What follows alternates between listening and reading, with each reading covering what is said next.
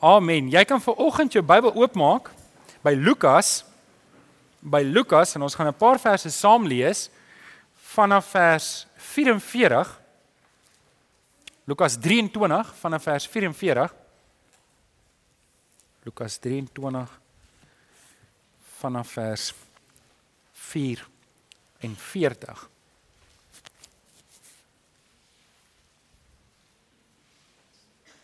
Ek het foto gewys. Ja, jy het dit was. Kom ons sluit die oë. Dan bid ons saam. Vader, dankie dat ons weer in hierdie oggend ons Bybels kan oopmaak en kan weet dis u woord. Die woorde wat u vir ons gegee het om ons te help om om u te ken. Ons weet Here dat as dit nie vir die Bybel was nie, dan kon ons u nie ken nie. Die Here vanoggend kom vra ek weer dat u deur u woorde en deur die Heilige Gees met ons sal kom praat. Here dat ons u regtig sal beleef vanoggend. Nader aan u sal groei, maar kom daag ons ook uit. Here dat dit wat in ons lewens is wat nog nie in lyn is met u woord nie, dat ons daardie nodige aanpassing sal doen. Ons bid dit in Jesus naam. En die kinders van die Here sê: Amen. Amen. Dis 8 weke. Ons was nou vir 8 weke besig met die woorde aan die kruis, die kruiswoorde. En ehm um, die van julle wat nou onlangs ingeskakel het, ons maak ver oggend klaar. Dis ons laaste kruiswoord, die sewende kruiswoord. Nou net vir julle net weer vinnig die konteks gee. Dis die sewe frases wat die Here Jesus gesê het terwyl hy aan die kruis gehang het. Dis baie spesifieke frases wat die Here Jesus gesê het en ons kry dit in die evangelies Matteus, Markus, Lukas en Johannes en ons sit dit saam. Nie een evangelie het al die frases nie, maar ons het dit uit die evangelies uit gekry. Natuurlik as jy die evangelies lees, as jy lees Markus het 'n baie spesifieke gehoor, Matteus het 'n baie spesifieke gehoor en ehm um, En Johannes het 'n baie spesifieke skryfstyl en manier en oordrag wat hy ook die punt wat hy wil bereik. Maar Lukas op homself is ook uniek geweest. Lukas skryf spesifiek doen hy 'n navorsingsopdrag kan jy sê en Lukas die evangelie volgens Lukas en die evangelie volgens Matteus moet jy ag um sorry, die evangelie volgens Lukas en die Handelinge moet jy eintlik as een stuk lees.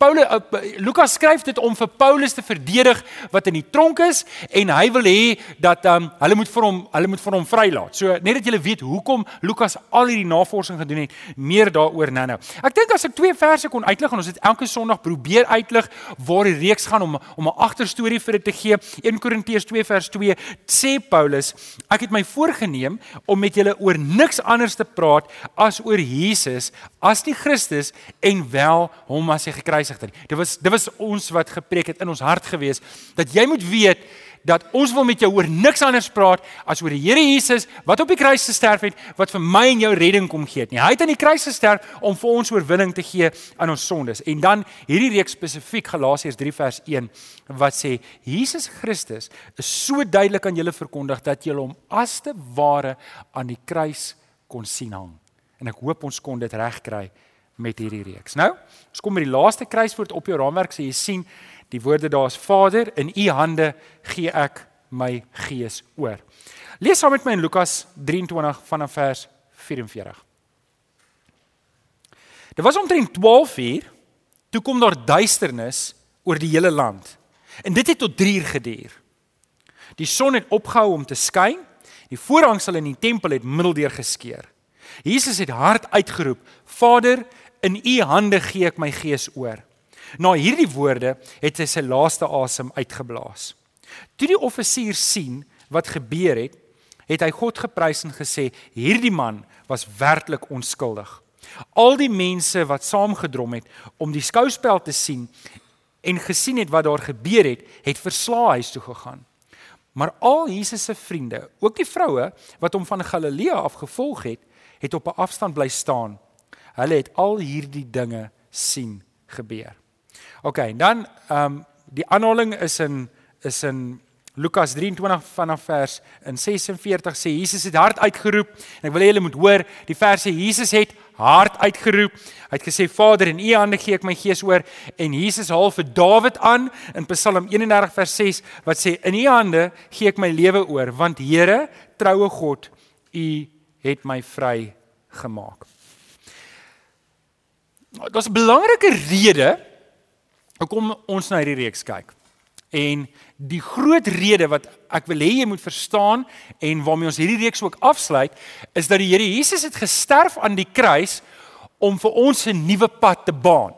'n Nuwe weg te gee waar volgens ons kan gaan. Want sien, daar's een ding wat 'n realiteit is vir elkeen van ons wat hier sit vandag. En dit is as die Here Jesus nie kom om ons te kom haal nie, gaan elkeen van ons sterf.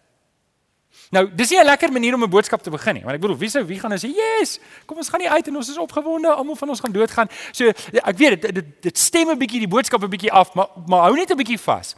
Gister het ek 'n tannie begrawe. Dis seker die oudste tannie wat ek nog begrawe het van 94 jaar oud. Hoe kosbaar is dit? 94. Dis 'n lang lewe. As ek nou dink ek word nou hierdie jaar 40, dan is dit dubbel wat ek nou is en nog sommer baie by. Um en en maar dis die realiteit. Ek en jy gaan sterf. En dis hoekom dit belangrik is dat ek en jy moet kyk na die kruis van die Here Jesus want hy baan vir ons dit. Nou, ons het vir mekaar gesê, julle moet onthou in die Ou Testament was daar twee hoofstrome. Mense wat geglo daar is nie lewe na die dood nie. Dis hoekom jy 'n vers kry wat sê nie wie kan die prys in die doderyk. Met ander woorde, as jy dood is, is dit klaar, dis poegaai en dis verby. Baie mense in die Ou Testament het so geglo in daai tyd, maar daar was 'n sterk stroom en dis hoekom die Sadduseërs en die Fariseërs en die skrifgeleerdes het Jesus met hierdie stuk vrae probeer vastrek om vir hom te vra. 'n Man het nou getrou met 'n vrou en die, uh, die en die man is dood en toe trou sy met die broer en toe trou sy weer met 'n ander die volgende broer en is dit hier al die broers. Hulle moes seker ryk manne gewees het of hulle was goeie mense, doodgoeie mense met die klem op dood. En en hulle vra te vir Here Jesus, nou wie se man gaan sy nou wees as hy nou in die hemel kom eendag? Want hulle het nie geglo daar's lewe na die dood nie. Hulle wou eintlik 'n bespotting maak met die Here Jesus, maar die Jesus het toe nou, wat ek net probeer sê is en daar was 'n groot stroom wat geglo het, daar is lewe na die dood. Maar almal wat geglo het ons lewe na die dood, het geglo jou lewe is afhanklik van die manier hoe jy die wet onderhou. Nou wil ek gou-gou vra, wie van julle kan met groot vrymoedigheid sê dat jy sit volgende hier en jy onderhou die wet op so 'n manier dat jy sal kan hemel toe gaan sonder die kruis van die Here Jesus. Steek asseblief op jou hand om te sê jy kan dit doen, moet nie jou hand opsteek nie. OK, want dis die antwoord. Niemand kan regtig met 'n skoon gewete sê ek lewe so goed, so reg volgens die Ou Testament, volgens die wette en die Levitiese voorskrifte dat ek kan sê ek kan dit maak nie. Weet julle hoekom nie? Want die Bybel leer ons almal het sonde gedoen. Ons is almal gebore in sonde. Julle onthou as jy die illustrasie gebruik van um meoue kat omdat hy 'n kat is of is hy 'n kat omdat hy meow? Nou het ek myself die mekaar gepraat. Maar julle weet die antwoord is Of 'n kat mel of nie mel nie, hy bly 'n kat. Die feit dat hy mel of nie mel nie is totaal irrelevant. En net so want hy as hy mel toevallig, dan doen hy dit omdat hy in sy aard 'n kat is. OK. Julle ek is nie 'n bioloog nie, maar ek weet dit. Nou net so is ons in ons wese en in ons aard het ons uit arm soveel skade gelei dat ehm um, dis pragtig. Dat, dat dat ons van nature sondaars is. Ons doen sonde. Sê die arme duif is nou so vir ek moet dalk sagter praat. nou as jy moes afhanklik wees van die wet om jou te red, dan sê jy gesê die dood het beslis 'n angel. Want in Engels praat ons van ons wie, wie is bereid om 'n gamble te vat om te sê ek ek ek sal kyk of ek die wet genoeg Niemand van ons kan dit doen nie. Maar ons hoef nie. Want in Christus Jesus, toe hy gesterf het aan die kruis, het hy vir ons 'n nuwe deur oopgemaak dat as ek hom aangeneem het as my verlosser en saligmaker, dan dan gaan dit nie meer oor iets wat ek moet doen of nie moet doen nie. Ek is nou in die genade van die Here. Dis wanneer Paulus sê in 1 Korintiërs 15 vers 56, "Dood, waar is jou angel? Jy intimideer my nie meer nie." En dan sê hy verder, "Die angel van die dood is die sonde en nie sonde kry sy krag in die wet van God, maar ons dank God dat hy aan ons oorwinning gegee het deur wie? Deur die Here Jesus Christus." En hier wil ek hê jy moet net gou-gou vir my 'n oomblik in die oë kyk. Jou oorwinning lê nie in hoe goed of hoe sleg jy lewe nie. Jou oorwinning lê aan die Here Jesus aan die kruis. Amen. Amen. Okay, so ek wil net dit sê om die tafel te dek vir vanaand. Ag vir vanoggend. Nou, wie mis ons? En die van julle wat toevallig in die eerste diens was, julle mag hier sê. Wie mis ons? Ons het nou vir 8 weke gepraat oor die kruiswoorde, maar daar's daar's daar's daar's daar's 'n naam wat ons nie genoem het nie. Wie wil raai? Wie wie sien wie sien naam het ons nie genoem nie? In hierdie hele preekreeks. Vat 'n jy Wat 'n raai. Sê weer? Maar okay, ek ek hoop ek het baie gepraat oor die Heilige Gees. Um, ek het weer gaan luister na van die preke. Ek het heelwat gepraat oor die Gees, maar dankie Claudette. Ek ek Iemand sê? Iemand sê Paulus. Nee, dit Paulus is reg, maar hy was toe nog nie ter sprake nie. Hy het eers later tot bekering gekom. Wil iemand raai Petrus? Want ons het Petrus se naam nie genoem. Stem julle saam, ons Petrus naam. Ek gee net vir julle die raai skote wat julle kan raai, want julle kyk my net so. Julle is bang. Ja, ek gaan verkeerd raai. OK, hier's die naam wat ons nooit genoem het nie. Ons het nooit Satan se naam genoem nie. Hoekom het ons nooit sy naam genoem nie? Want nêrens in hierdie verse wat ons gelees het, kom hy ooit tevore nie. En en dis wat ek wil hê jy moet mooi verstaan, die kruis van die Here Jesus is nie die duiwel se storie nie. Hy's nie eers ter sprake hier nie. Hy het nie eens in hierdie verse uitgekom nie. Nêrens het ons gelees nie om die waarheid te sê, as ons die Nuwe Testament deurlees, Matteus, Markus, Lukas, Johannes, wat sien ons van die duiwel?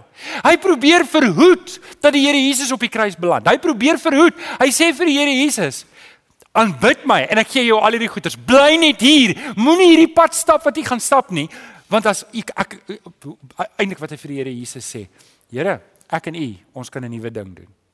Dis wat hy probeer doen. Onthou julle toe toe Jesus die eerste keer vir die disippels gesê het ek gaan sterf in soveel woorde, wat het Petrus vir hom gesê?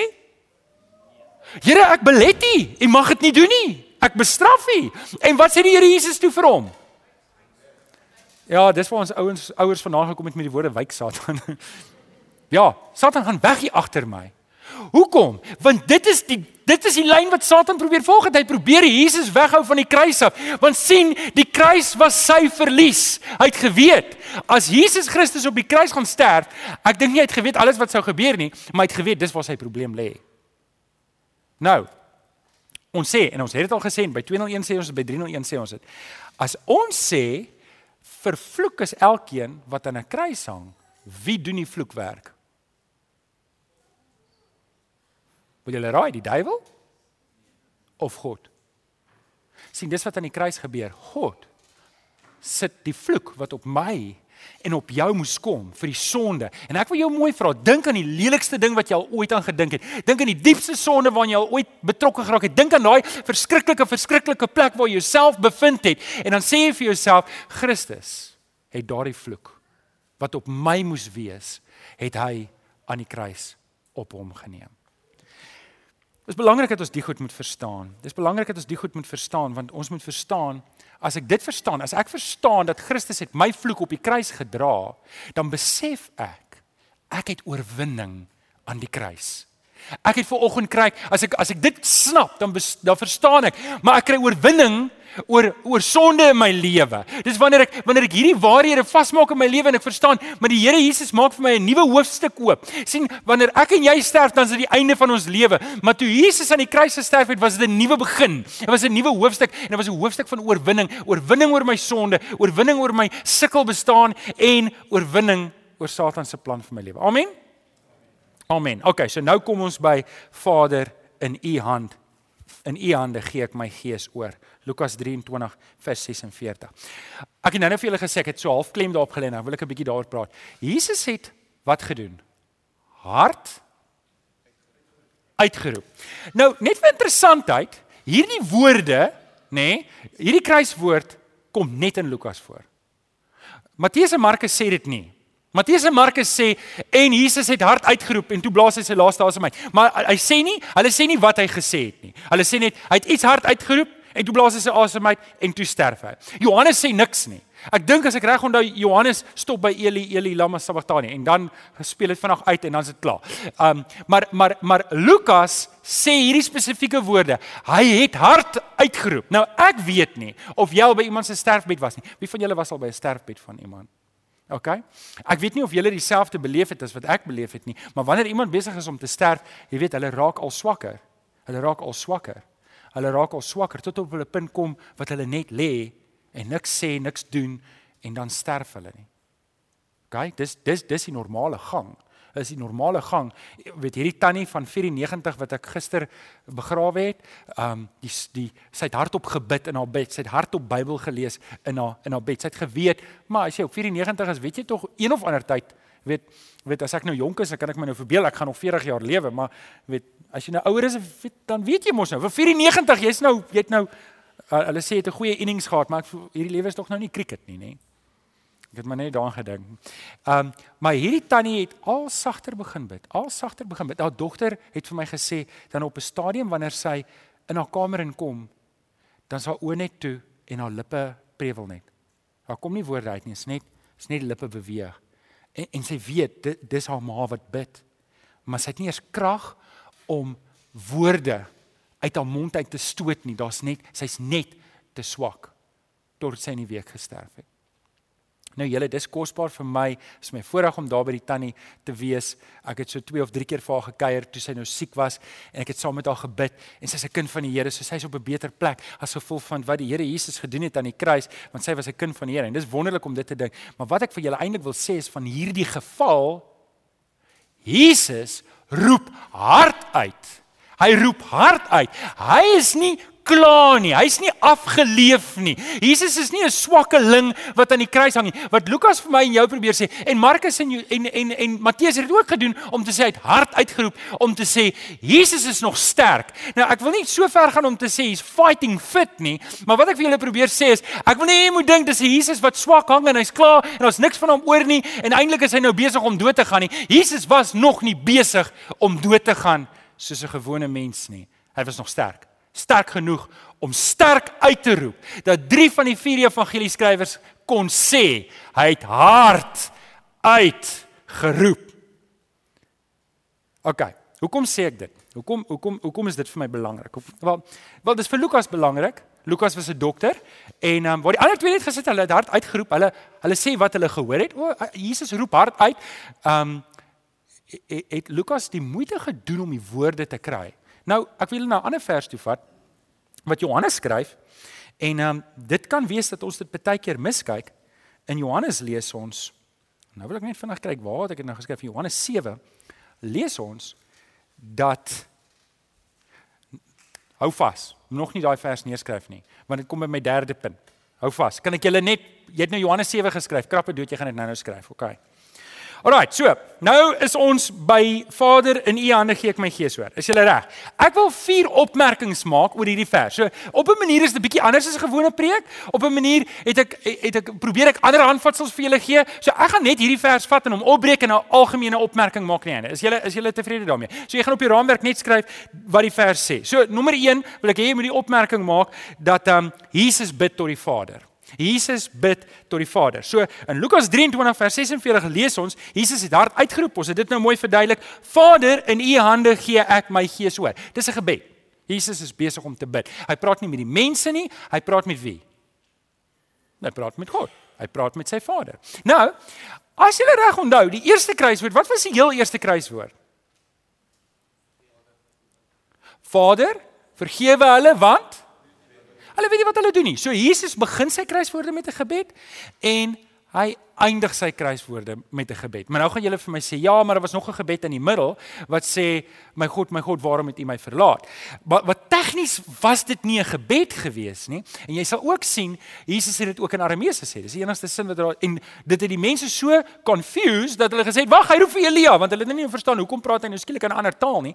En die punt daar was want dit was 'n vervulling van die Ou Testament omdat Jesus dit moes sê sodat hulle weet hy is wie hy sê hy is. OK, is julle nou by met wat ek probeer sê? So die eerste een en die laaste een is 'n direkte gesprek met die Vader. Jesus bid tot die Vader. Ek kan nie genoeg sê op hierdie punt dat Jesus met die Vader praat nie. In eerste diens het ek dit ook gedoen. Um en ek wil graag net daai vers aanhaal in Galasiërs 4 vers 6. Omdat ons kinders van God is, het God sy gees in ons hart gesit wat in ons harte uitroep Abba Vader. Sê gou-gou vir my, wat wat laat die Gees ons uitroep? Na wie toe laat die Gees ons uitroep? Na die Vader toe. Nou net so vir die rekord. Sover ek my Bybel deurgelees het, is daar nie een voorbeeld waar mense bid tot die Heilige Gees nie. Net 'n kant klein nota. Wat doen die Gees in my lewe? Die Gees laat my roep na die Vader. OK. Dit gesê. Jesus het altyd gebid. Jesus het heeltyd gebid. Ons lees die hele tyd, het hom eenkant gevat. Lees ons hy het moeg geraak, wat het hy gedoen? Hy het gaan bid. En dan partykeer bid hy sommer hierdie nag. Ander kere bid hy sê vir sy disippels gaan julle ek kom later aan. Ek weet nie wat het sy disippels gedink nie, want dan klim hulle op 'n boot en hulle gaan uh, Jesus nie boot nie, dan maar dit het Jesus nie geplan nie. Hy loop sommer op die water na hulle toe. Julle onthou die verhaal ook. En hoekom? Hoekom het Jesus agtergebly? Want hy het gebid. Hy het sy tyd nodig gehad om eenkant te wees om te bid. Nou vriende, ek dink ons verstaan gebed heeltemal verkeerd. Ons ons het groot geword in die westerse samelewing. Ek dink die ooster die oosterse kerk het baie uitdagings van hulle self, hoor. Uh, weet uh, partykeer kyk ons na die oosterlinge en ons dink julle is weird en hulle is in die meeste gevalle weird, regtig. Maar hulle het hierdie ding rondom gebed reg. Hulle verstaan gebed reg. Ons is westerlinge. Ons gaan werk toe en ons werk. Waarvoor werk ons? For love and charity. Nee, ons werk vir amper sê ek moola. ons werk vir geld. En net so leer ons ons kinders ook. Wanneer hulle 'n taakie kry, dan kry hulle 'n randjie, né? Nee? En dan dan later dan so spyt ons doen dit, want nou doen nou vra jy hom, hoorie gaan doen dit, dan kom hy maar waar's my betaling nou? En so is ons geleer gekondisioneer dat ek doen iets vir iets. Ek moet iets terugkry. En vir die een of ander rede beskou ons gebed so. Ek sal bid want bid moet vir my iets gee. En en julle, dit is dis dis heel dis dit mis heeltemal die punt van gebed. Nou, mag ek bid vir iets en kan die Here dit vir my gee? Ja, dit dit dit gebeur. Ons sien dit. Maar as dit vir my gebed is, dan het ek dan verstaan ek gebed heeltemal verkeerd.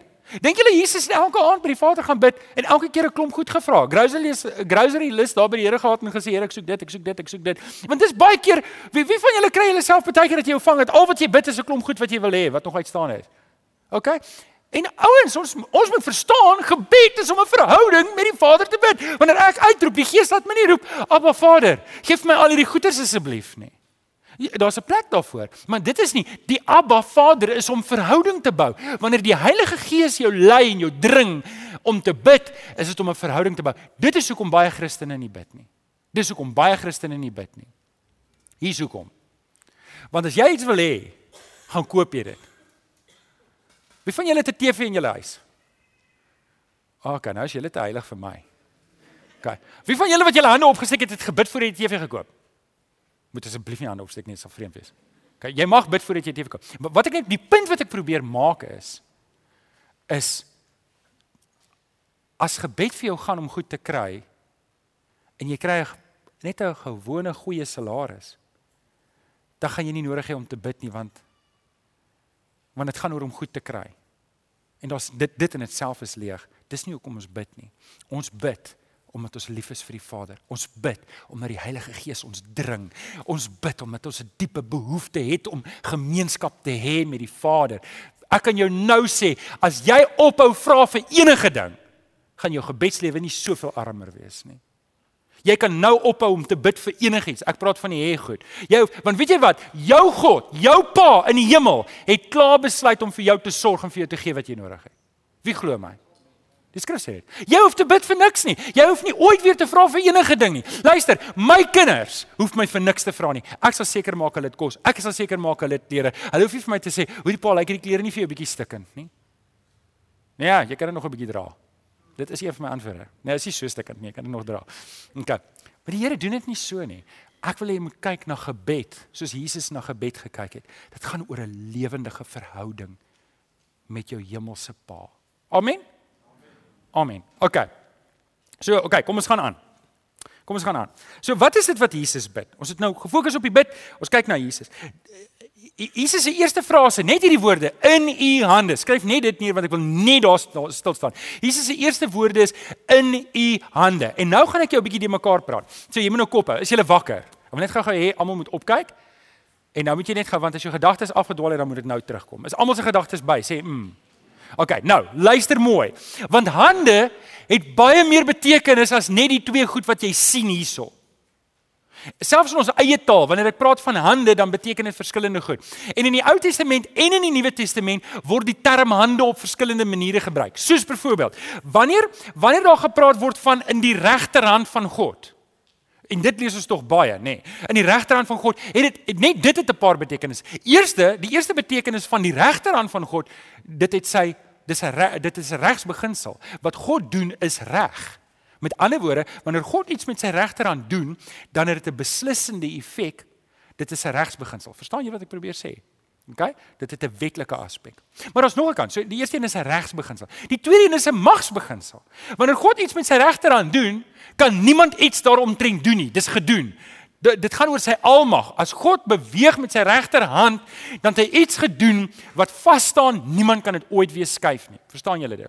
Daar's nog 'n aspek. Wanneer Jesus vir Johannes ontmoet in die hemel met Openbaring 1 en en Jesus raak aan hom met sy regterhand, dan wys dit die guns van God.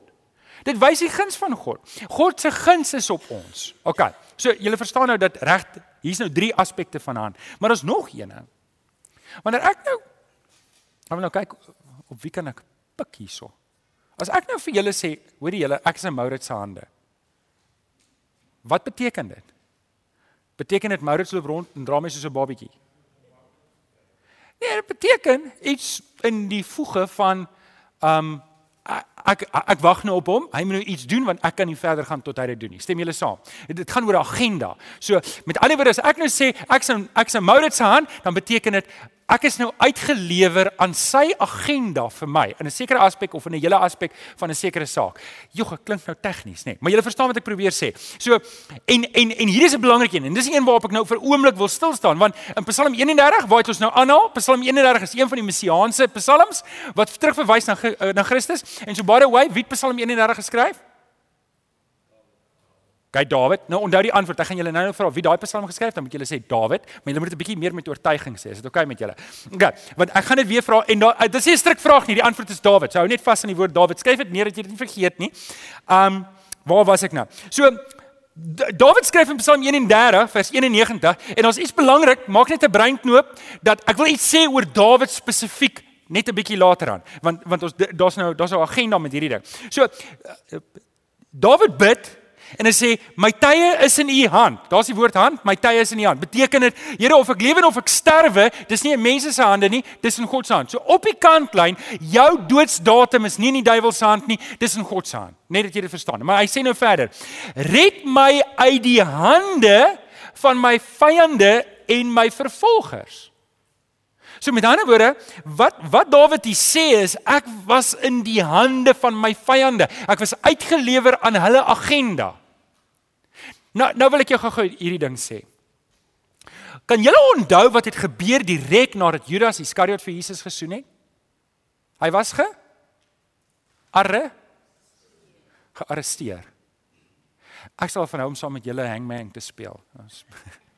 Fully blanks in. Okay, hy was gearresteer en hy was daar oorgelewer in die hande van sy vyande. Julle het dit. So julle sien waar die lyn loop, ook wat Dawid sê. So dit wat van dit wat op Dawid van toepassing is elke keer met hierdie kruiswoorde, dan sien ons dit spoel uit op Christus. So daar Jesus is uitgelewer gewees aan sy vyande tot op die kruis tot op die kruis. Is 'n aardige plek om te wees. Is 'n aardige plek om te wees om om in iemand se hande te wees wat jou nie goedgunstig is nie. Dis aardig om te wees in iemand wat wat se hande te wees wat wat wat jou regtig te nawel kom. En ek weet hier's 'n paar van julle wat al in 'n werksgewers werknemer situasie waar was waar jou werkgewer jou nie goedgunstig was nie. Of waar jou werknemers jou nie goedgunstig was nie en jy's in hierdie in hierdie moeilike situasie. Kan jy jouself indink as jy in iemand se hande is en sy agenda is om jou dood te maak.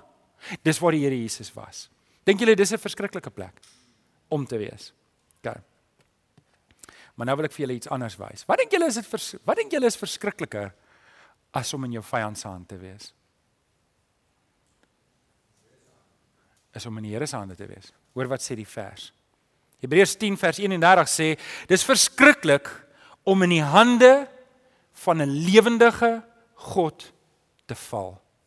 Vriende, ek moet hierdie ding sê. Ek moet hierdie ding sê want ek weet baie van julle het julle lewens oorgegee vir die Here. Baie van julle wat ver oggend hier sit, het die Here Jesus aangeneem as jou verlosser en jy's op pad hemel toe. Die kruisdood van die Here Jesus is vir jou werklikheid en jy's opgewonde, jy staan op met hierdie gedagte ek is gered, maar ek weet, ek weet hier's ver oggend mense ook hierso wat dit nog nie gedoen het nie. Hier's mense ver oggend wat hierso sit en en en en en hy hy het nog nie 'n oorgawe gemaak nie, hy het nog nie daai finale besluit geneem nie en dis my werk. Ek sal 'n slegte predikant wees, ek sal 'n slegte leier wees as ek nie hierdie realiteit ver oggend met jou deel nie. En hier's die realiteit. As jy nie Here die Here Jesus aangeneem het nie, is dit verskriklik om te val in die hande van 'n lewendige God. God laat nie met hom spot nie. God laat hom nie uittart nie. Ek wil net twee voorbeelde gebruik want jy sê ja, maar al die voorbeelde wat ons nou gaan aanhaal kom in die Ou Testament. Dit doen nie, dit doen nie. Dink aan Ananias en Safira wat vir die Heilige Gees gelieg het. Hulle het vir God gelieg en wat gebeur toe? Hulle slat dood neer op die plek. Want God laat nie met hom spot nie. Dink aan Korintiërs waar die mense dit was 'n verskriklike gemeente daai Korintiërs, 'n verskriklike gemeente. Gaan lees 1 Korintiërs 1 tot 7. Dan sien jy daai mense het alles wat daar moontlik in die boeke is van verkeerd doen in 'n kerk het hulle verkeerd gedoen. Rarig, jy weet, dis nie so wonderlike gemeente gewees nie. En en dan lees ons Paulus sê die ding, dis hoekom van julle reeds siek is en 'n klomp van julle dood gegaan het. Hoekom? Want God straf julle, julle julle die oordeele loop julle vooruit as gevolg van die verskriklike dinge wat julle aanval aanvang. Nou okay, hoekom sê ek dit? Hoekom sê ek dit?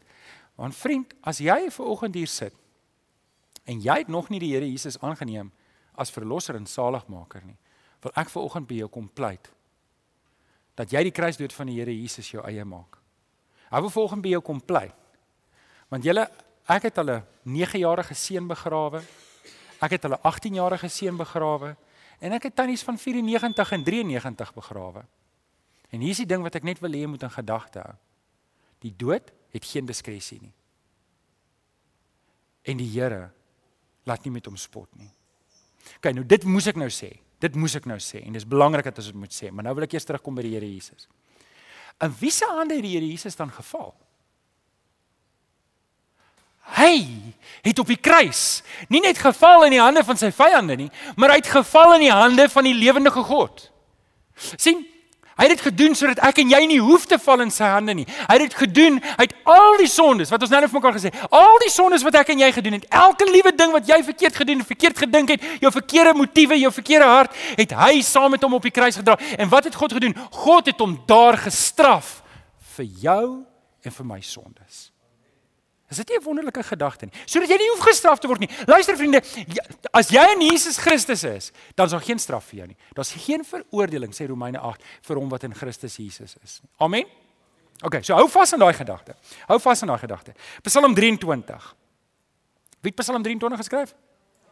Ah, dit klink beter. OK, so Psalm 23 wat geskryf is deur Dawid. Hoor wat sê dit? Selfs al gaan ek deur die donker dieptes, sal ek nie bang wees nie. Hoekom nie? Want U is by my in U in U In u hande is ek veilig. Is ons nog steeds by die tema van hande.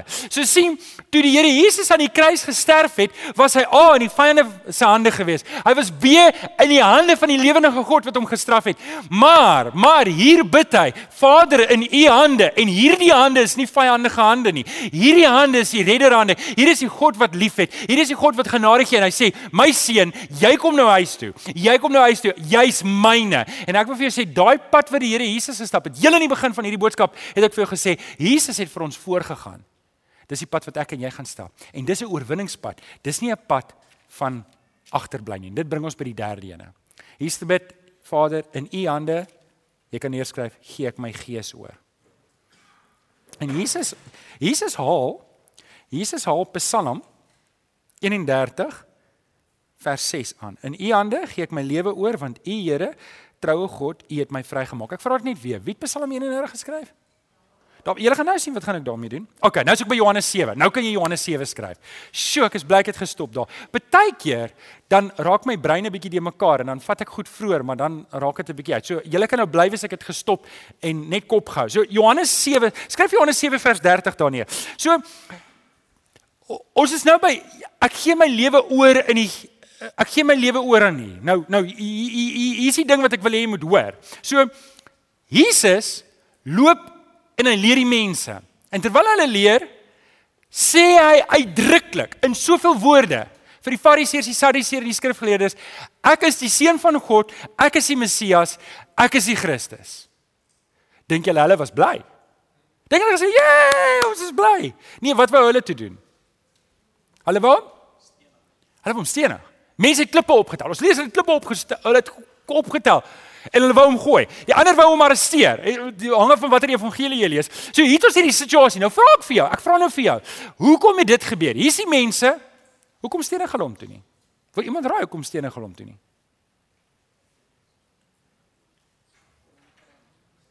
Kom ek lees vir julle wat sê wat sê wat sê Johannes 7 vers 30. Hulle wou hom toe gevange neem en tog het niemand dit gedoen nie. Tog het niemand dit gedoen nie. Wil julle raai hoekom nie? Die res van die vers sê dit. Omdat sy tyd nog nie gekom het nie. Jesus se lewe, die engel sê it's not for the taking. Dit was nie vir die mens om Jesus se lewe te neem nie. Dit was vir Jesus om dit te gee sien wanneer ek en jy doodgaan raak ons swakker swakker swakker swakker swakker swakker tot ons doodgaan. Laaste asem uitblaas toe Jesus doodgaan het hy op die laaste oomblik hard uitgeroep Vader ek gee nou my lewe oor in u hande.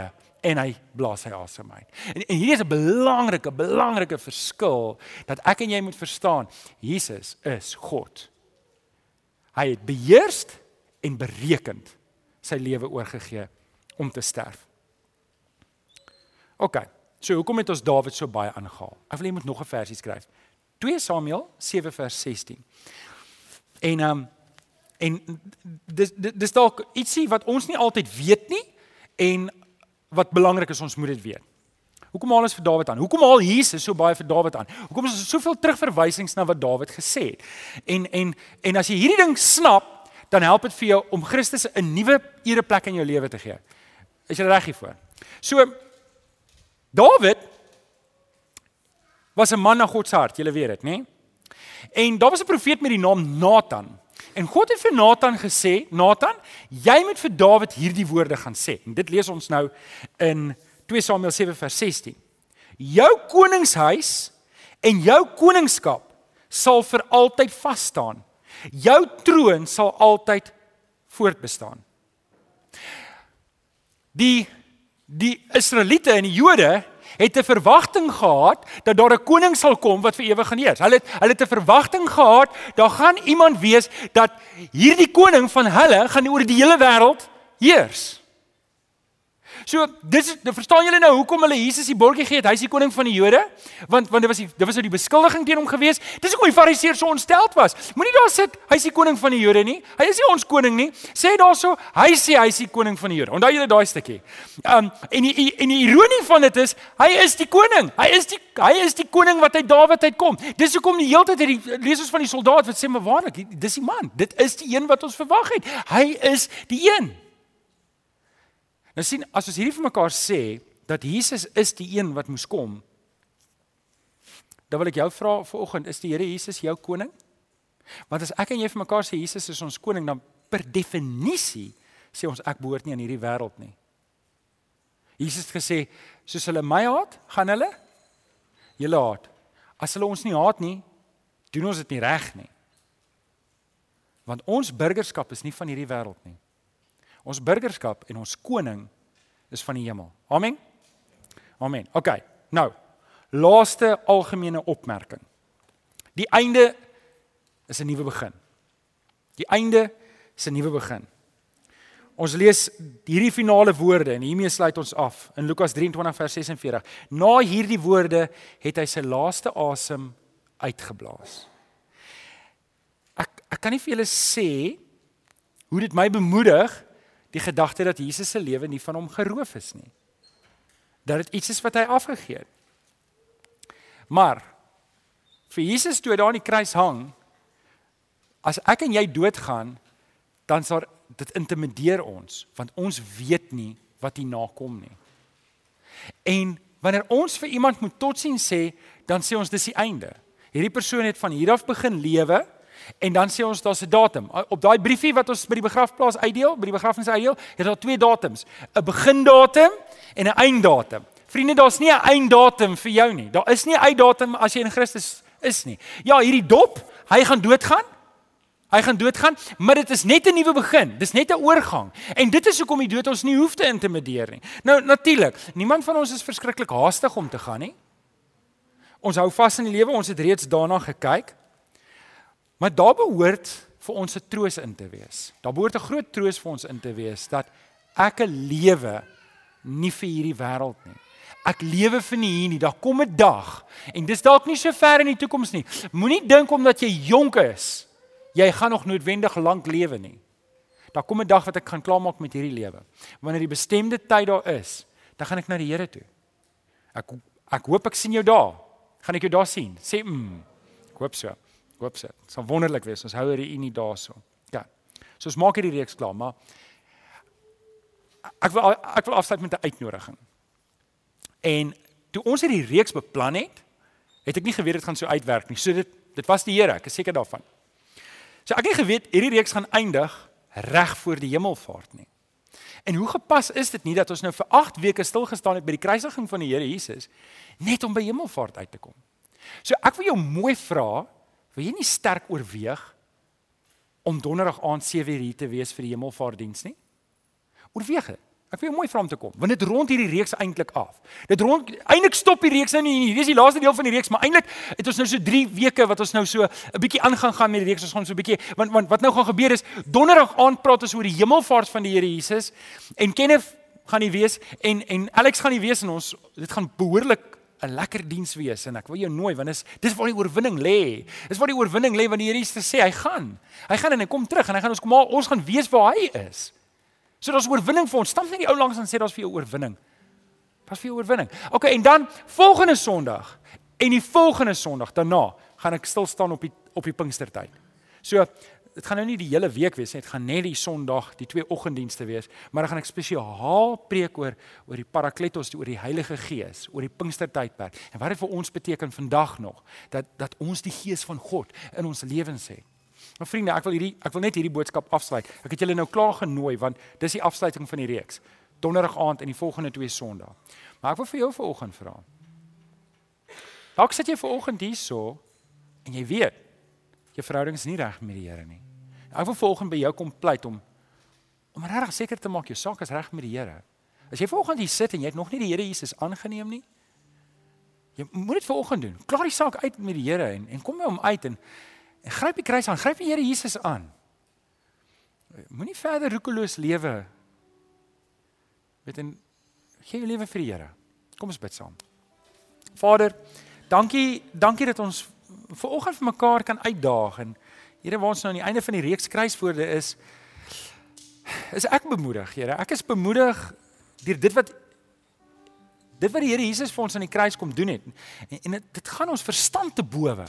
Wanneer ons dit dalk visueel sal sien, dan dan sal ons dalk so ontstel. Maar tog is daar soveel oorwinning in hierdie hele verhaal en en en en kan ons hier uitstap vir oggend as te sê hoe hartseer die gebeure was. Hoe bly is ek want dit het my deel kom maak. Ek hoef nie te vrees vir die dood nie.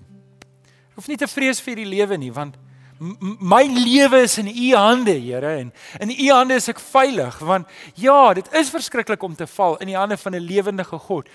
Maar deur die Here Jesus het ek vrye toegang en en is u die God van Psalm 23 wat my innooi en my my hoof vet maak met olie en my beker loop oor. Dankie Here dat die Here Jesus vir ons hierdie nuwe pad gebaan het. Kom seën ons vanoggend. Ons bid dit in Jesus naam. En die kinders van die Here sê Amen. Kom ons staan hier sing die volgende lied saam met Kenneth hulle uh this is amazing grace. Dankie Kenny.